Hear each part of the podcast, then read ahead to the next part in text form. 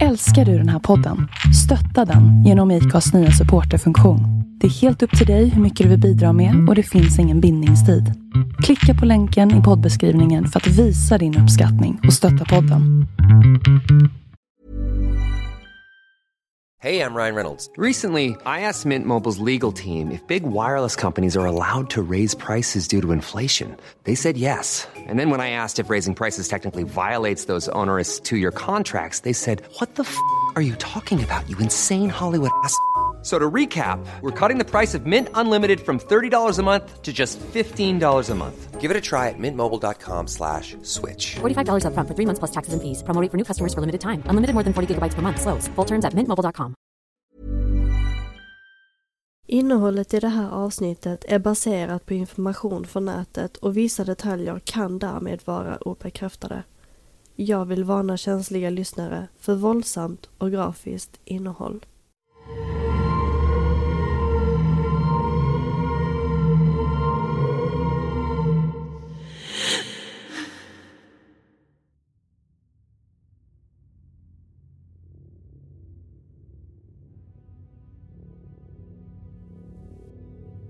Tänk dig att typ du är på väg hem från jobbet och ensam så tar du dig igenom de mörka gatorna utan att höra ett ljud. Men plötsligt så blir du överfallen av en okänd gärningsman. Men han hinner fly innan du hinner reagera. Bredvid dig så ser du en hand som sträcker ut sig och du ser en man som säger att han erbjuder sig att följa hem dig säkert. Men halvvägs hem inser du att ni inte alls är på väg hem till dig. Det visar sig vara en lögn och han som står bredvid dig har iscensatt rånet och leder dig raka vägen in i en mörk fälla. De nästkommande dagarna kommer bli de värsta dagarna i en helt vanlig ung skolflickas liv. Hennes sista dagar i livet kommer bestå av grovt våld, våldtäkt och tortyr som pågår i totalt 44 dagar. En av de värsta fallen i Japan som kommer skaka hela världen. Detta är berättelsen om skolflickan Junko Furuta och de 44 dagarna i helvetet. Help me, I'm Amanda Berry. He's got a taser. Please hurry. I've been kidnapped and I've been missing for 10 years and I'm, I'm here. I'm free now. Oh, God. He's to jump in front of the car. No, Brian. Stop. Wait, hurry up. He's killing. your face off! Stop! Stop! Stop! She's dead. Stop, Brian! You're gonna get her!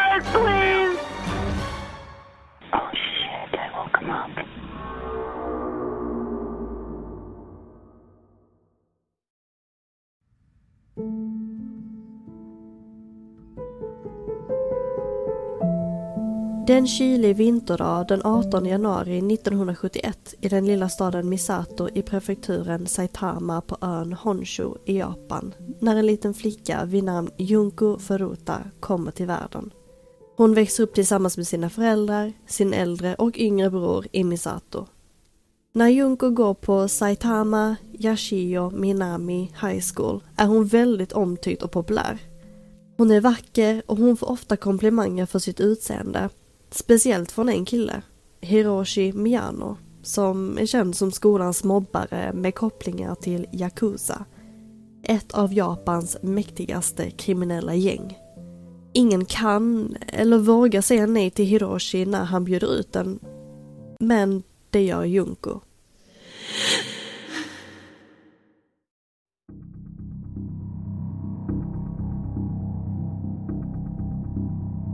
Mm. Hiroshi tar inte avvisandet särskilt bra.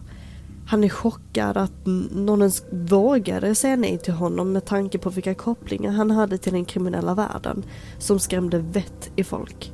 Det är vid det tillfället som en ilsken Hiroshi bestämmer sig för att göra Junkos liv till ett rent ut sagt helvete. Till skillnad från hennes klasskamrater är Junko en väldigt skötsam tjej som varken festar, röker eller tar droger. Istället satsar Junko hårt på sin utbildning och får alltid toppbetyg i sina ämnen. När Junko tar studenten vill hon göra en resa som en liten belöning för sitt hårda arbete med plugget. I oktober 1988 får Junko ett deltidsjobb på en plastgjutningsfabrik för att spara ihop till resan. Och kort därefter öppnar sig ännu en möjlighet upp för Junko när hon tackar ja till ett jobb som elektronikförsäljare och det är bestämt att hon ska börja jobba efter studenten. Men det skulle aldrig inträffa.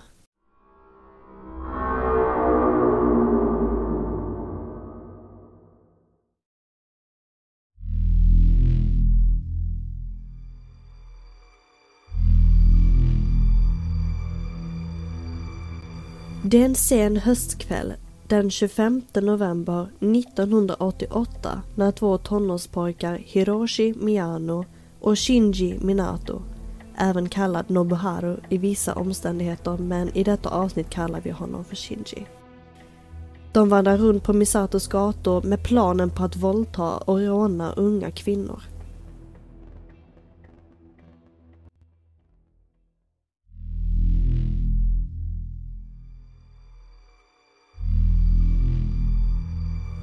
När klockan slår 20.30 ser en tjej komma cyklandes i deras riktning. Shinji och Hiroshi gömmer sig bakom några buskar och Hiroshi beordrar Shinji att stoppa tjejen. Efter några sekunder ser Shinji tjejen närma sig och precis innan hon passerar dem hoppar han fram och knuffar omkull henne. Den chockerade tjejen ser Shinji springa från platsen och plötsligt står Hiroshi framför henne och erbjuder sig att följa tjejen hem i säkerhet. Men Hiroshi har andra planer.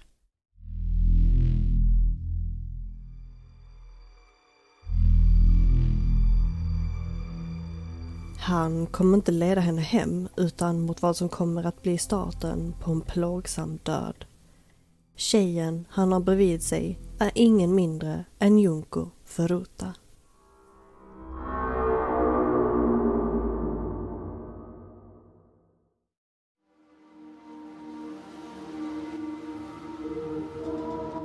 Hiroshi och Junko promenerar längs gatorna. De småpratar och Junker berättar att hon precis slutat jobbet på plastgjutningsfabriken. Dit hon gick efter skolan för att spara ihop till den där resan hon ville göra efter studenten. Men även om Junko inte fullt litar på Hiroshi känner hon att hans sällskap är väl bättre än att promenera själv i mörkret och riskera att bli överfallen igen. Efter en stunds promenad ser Junko ett stort lager och inser att de inte alls på väg hem till henne. Men innan hon hinner inse vad det egentligen är som sker hoppar Hiroshi på Junko och våldtar henne. Kort efter övergreppet drar Hiroshi henne till ett närliggande hotell där han återigen våldtar Junko. Sedan ringer Hiroshi sina vänner Shinji, Yo Ogura och Yasushi Watanabe och skryter om våldtäkten. Yo och Yasushi hade några veckor tidigare kidnappat och våldtagit en annan ung tjej. Men henne släppte Yo och Yasushi, vilket de ångrar och denna gång hade Yo andra planer. Han ber Hiroshi att hålla kvar Junko så att han och de andra killarna kan också få roa sig med henne. Hiroshi går med på Yos förslag och runt 03 på morgonen möter Hiroshi och Junko upp Yo, Yasushi och Shinji i en närliggande park. De får syn på Junkos ryggsäck där de inuti hittar hennes adressbok och killarna får då reda på hennes hemadress. Om Junko skulle försöka rymma skulle Yakuza-gänget mörda hennes familj. Det gjorde de klart för henne. De hade hennes hemadress och telefonnummer Junko känner sig helt enkelt hopplös och motvilligt går hon med på killarnas order. Detta är starten på de 44 dagar av tortyr och djävulskap som Junko tragiskt nog skulle få utstå.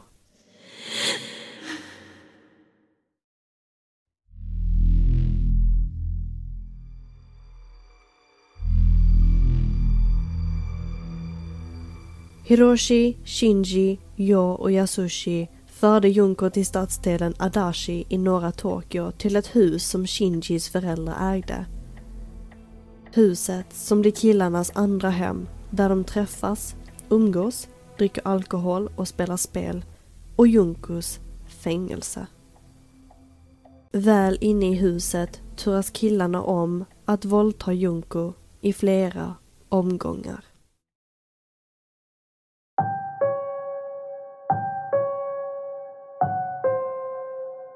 Dag 3. Den 27 november 1988.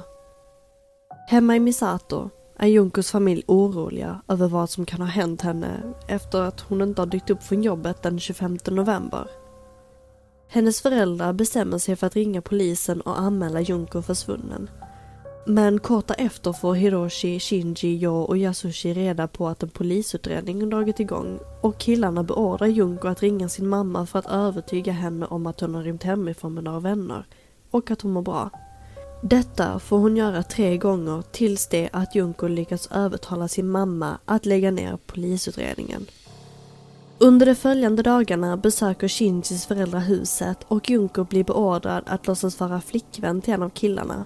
Vilket Shinjis föräldrar går på, tills att de senare får reda på vad det egentligen är som pågår. Shinji blir allt mer våldsam och hotar inte bara sina egna föräldrar utan även sin yngre bror om att hålla tyst Annars skulle Yakuza-gänget ge sig på dem också. Så varje gång när Shinjis familj besöker huset låtsas de inte veta vad det är som pågår för att rädda sitt eget skinn. Junko är hela tiden naken och blir konstant slagen, våldtagen och gruppvåldtagen av killarna, deras vänner och andra killar som kidnapparna bjuder in. Dag 4, kvällen den 28 november 1988. Hiroshi bjuder in ungdomarna Tetsu, Nakumara, Koichi Ihara och andra killar för att träffa Junko i huset. Killarna dricker hostmedicin och låtsas vara höga på droger. Det är nämligen ett test. Junko försöker rymma.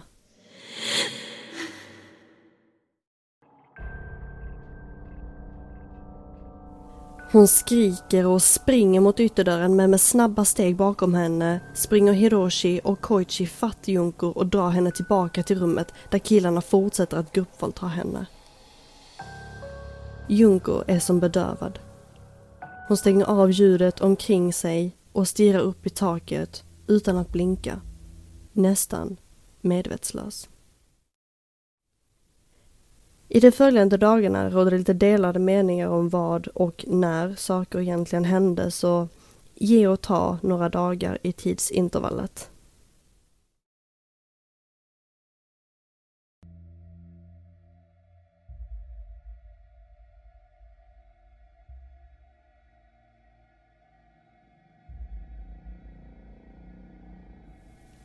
Strax innan två veckor sedan Junko blev omkullknuffad på sin cykel den 25 november gör en förstörd Junko ett tappert försök att tillkalla hjälp. Försiktigt lyckas hon ta sig till husets telefon och ringer larmcentralen. Precis innan hon hinner berätta för larmoperatören om sin situation får Hiroshi tag i luren och lägger snabbt på. Telefonen ringer igen. Hiroshi svarar och det är larmoperatören som undrar om allt står rätt till. Hiroshi ber om ursäkt och säger att samtalet var ett misstag. Han lägger på och släpar Junko tillbaka till rummet där killarna dränker hennes ben i tändvätska och tänder eld. Killarna tänder även eld på hennes fötter flera gånger för att hon inte ska kunna rymma igen. Junko tvingas även röka flera cigaretter på en gång och andas in färgtunnande medel. Killarna tycks inte nöja sig där och de bestämmer sig för att hänga upp Junko i taket med fastbundna händer för att använda hennes nakna kropp som en slagpåse. Blod börjar rinna ut genom Junkos mun efter de upprepande slagen och vid ett tillfälle svullnar hennes näsa upp så pass mycket att Junko enbart kan andas genom munnen. Någon mat får Junko knappt. Killarna ger henne vid enstaka tillfällen lite mat och mjölk och Junko blir så småningom extremt undernärd och till slut får hon bara lite mjölk att dricka. När Junko är hungrig äter hon kackerlackor och killarna tvingar henne att dricka sitt eget urin om hon är törstig.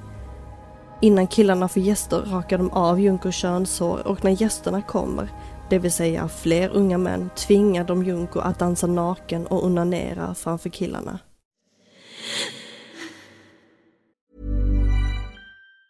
Burrow is a furniture company known for timeless design and thoughtful construction and free shipping, and that extends to their outdoor collection. Their outdoor furniture is built to withstand the elements, featuring rust-proof stainless steel hardware, weather-ready teak, and quick-dry foam cushions. For Memorial Day, get 15% off your Burrow purchase at burrow.com slash ACAST and up to 25% off outdoor. That's up to 25% off outdoor furniture at burrow.com slash ACAST. How would you like to look five years younger? In a clinical study, people that had volume added with Juvederm Voluma XC in the cheeks perceived themselves as looking five years younger at six months after treatment. Look younger, feel like you. Add volume for lift and contour in the cheeks with Juvederm Voluma XC. Reverse signs of aging by adding volume to smooth laugh lines with Juvederm Volure XC.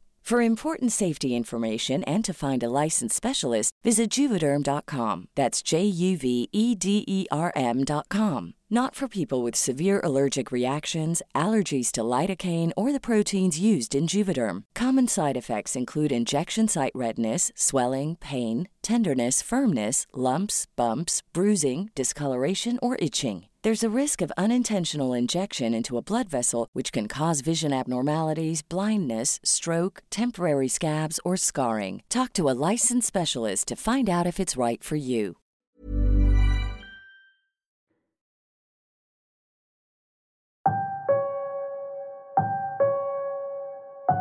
In på den tredje veckan av ständig tortyr och förnedring blir Junko allt mer svag. Hennes fötter och händer är oerhört svullna. Hennes muskler och ben är kraftigt skadade och hon kan inte gå mer. När hon ska ta sig till badrummet får hon krypa fram och det tar Junko nästan en hel timme att komma fram. Till slut är Junko för svag för att gå på toaletten och hon orkar kissa ner sig på mattorna i huset vilket gör killarna rasande. De slår henne så pass att hon till slut inte kan få i sig någon mat eller vätska utan att kräkas.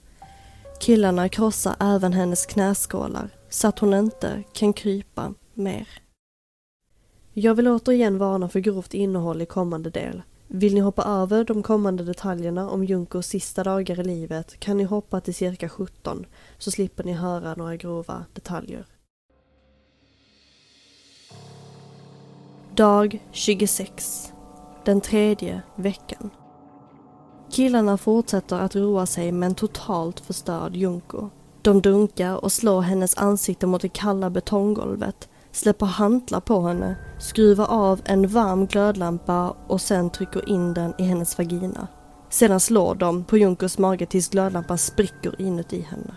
De bränner cigaretter på hennes kropp och ansikte, tänder fyrverkerier i hennes mun och vagina Junkers trumhinnor spricker och hon kan därmed inte höra någonting längre, vilket såklart gör killarna rasande.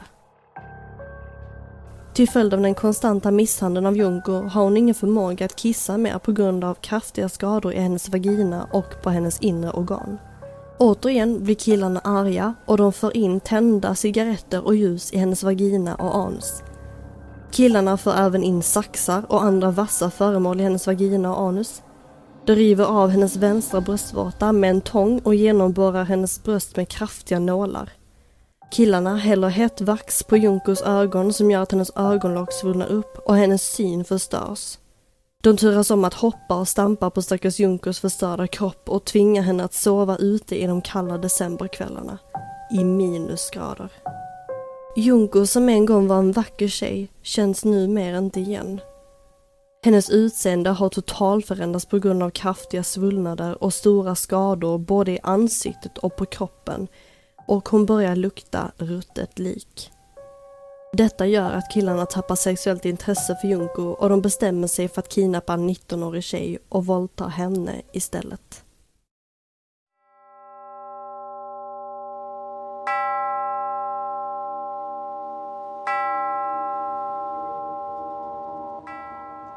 Det blir nyår. År 1989 rings in och det japanska folket firar med nära och kära medan Junko ligger ensam på det kalla betonggolvet och är orörlig. Hon har så otroligt ont och hon önskar att hennes liv snart ska ta slut. Några dagar senare får hon fram orden “döda mig” men Killarna tycker att det skulle vara alltför lätt för Junko att komma undan. Istället utmanar de Junko i en omgång av Mahjong Solitaire. Till deras förvåning vinner Junko, vilket gör killarna rasande. De tar tag i några pinnar och slår hennes fötter och Junko ramlar omkull en stereoanläggning. Junko blöder rejält och hennes kraftiga brännskador börjar pysa. Killarna fortsätter slå Junko med järnhantlar och knytnävar. De häller tändvätska över henne och tänder eld. Junko försöker orklöst släcka elden men misslyckas. Gång på gång fortsätter killarna att brutalt misshandla Junko som långsamt tappar den sista kraften hon har. Efter två timmars brutal misshandel dör Junko den 4 januari 1989 efter 44 dagars tortyr.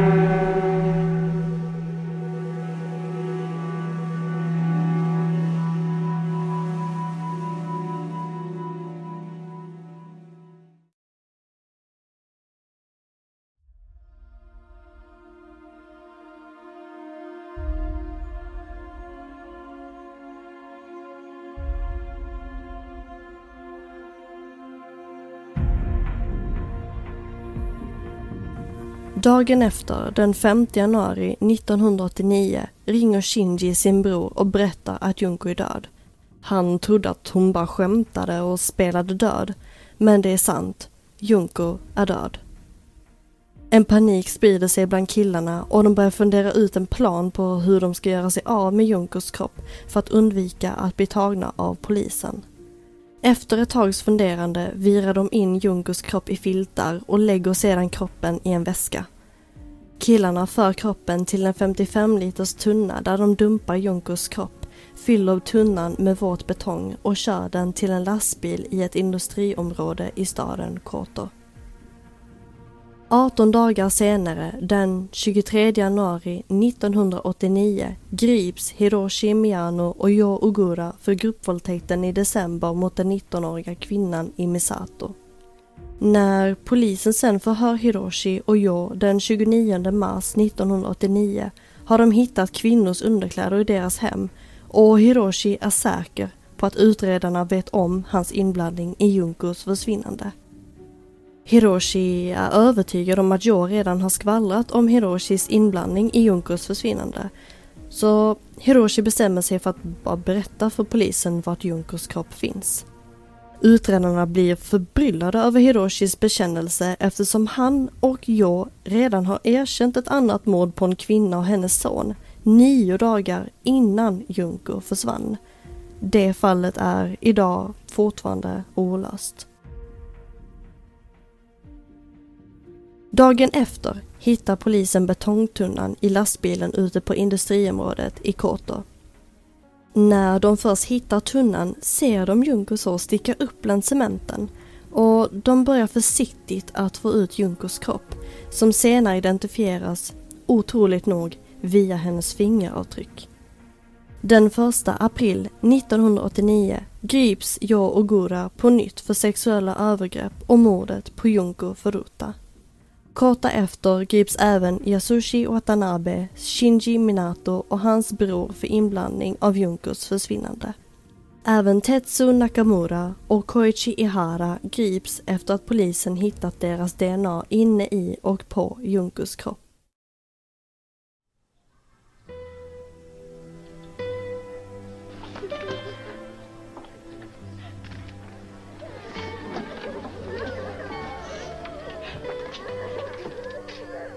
Den 2 april 1989 begravs Junko Furuta. Hennes framtida arbetsgivare på elektronikföretaget, där hon skulle börja jobba efter studenten, ger hennes föräldrar en uniform som Junko skulle haft när hon skulle börjat jobba. Uniformen läggs ner i kistan tillsammans med Junko. En av Junkos vänner säger under sitt tal på begravningen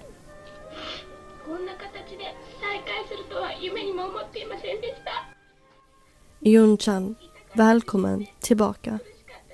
Jag kan inte föreställa mig att vi skulle träffas igen på det här sättet. Du måste ha genomlidit så mycket smärta och lidande. Happin, som är en slags traditionell japansk kappa, vi gjorde på skolfestivalen var verkligen fin på dig. Vi kommer aldrig att glömma dig. Jag har hört att rektorn har ordnat ett examensbevis åt dig. Så vi kan ta examen tillsammans, allihopa. Yunchan, nu finns ingen mer smärta, inget mer lidande. Vila i frid.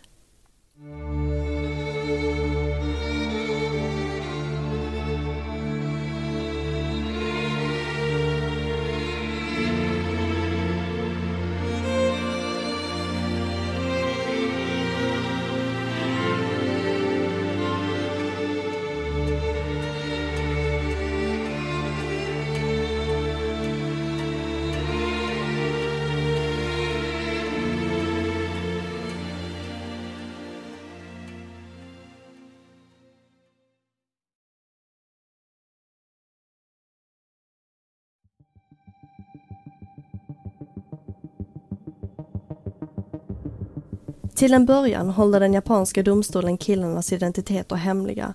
Men de offentliggör senare när den japanska tidningen Shokan Bunshun publicerar deras namn då de anser att med tanke på det fruktansvärda brottet så förtjänar killarna inte sin anonymitet.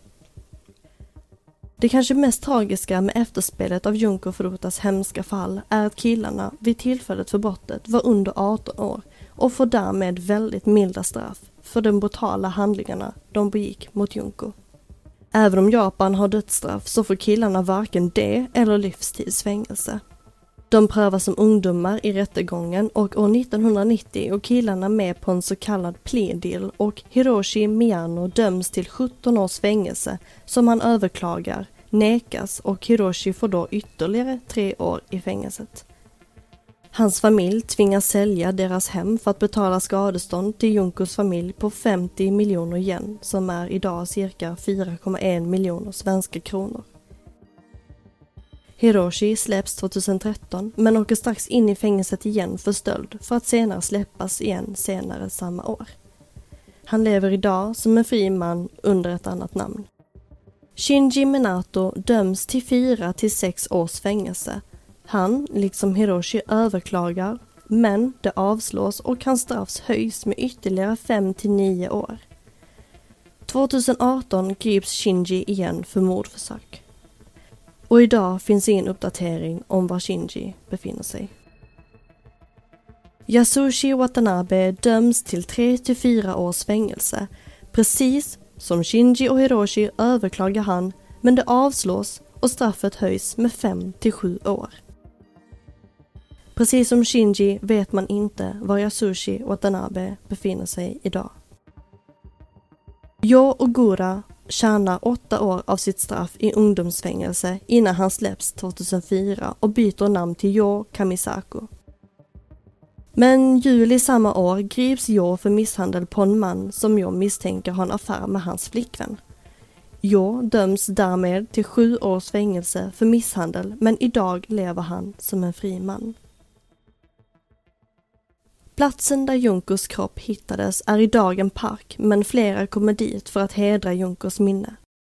Ett flertal böcker och några filmer har gjorts för att uppmärksamma brottet och idag är Junko Furutas fall fortfarande ett av Japans mest hemska fall med tanke på de hemska omständigheterna och brutala attackerna hon fick utstå. Man vet än idag inte exakt var Junko är begravd och troligtvis kommer vi aldrig få veta det heller. Men en sak är säker. Junko kommer aldrig mer behöva lida och förhoppningsvis kommer karma komma ikapp de här monsterna som tog hennes oskyldiga liv.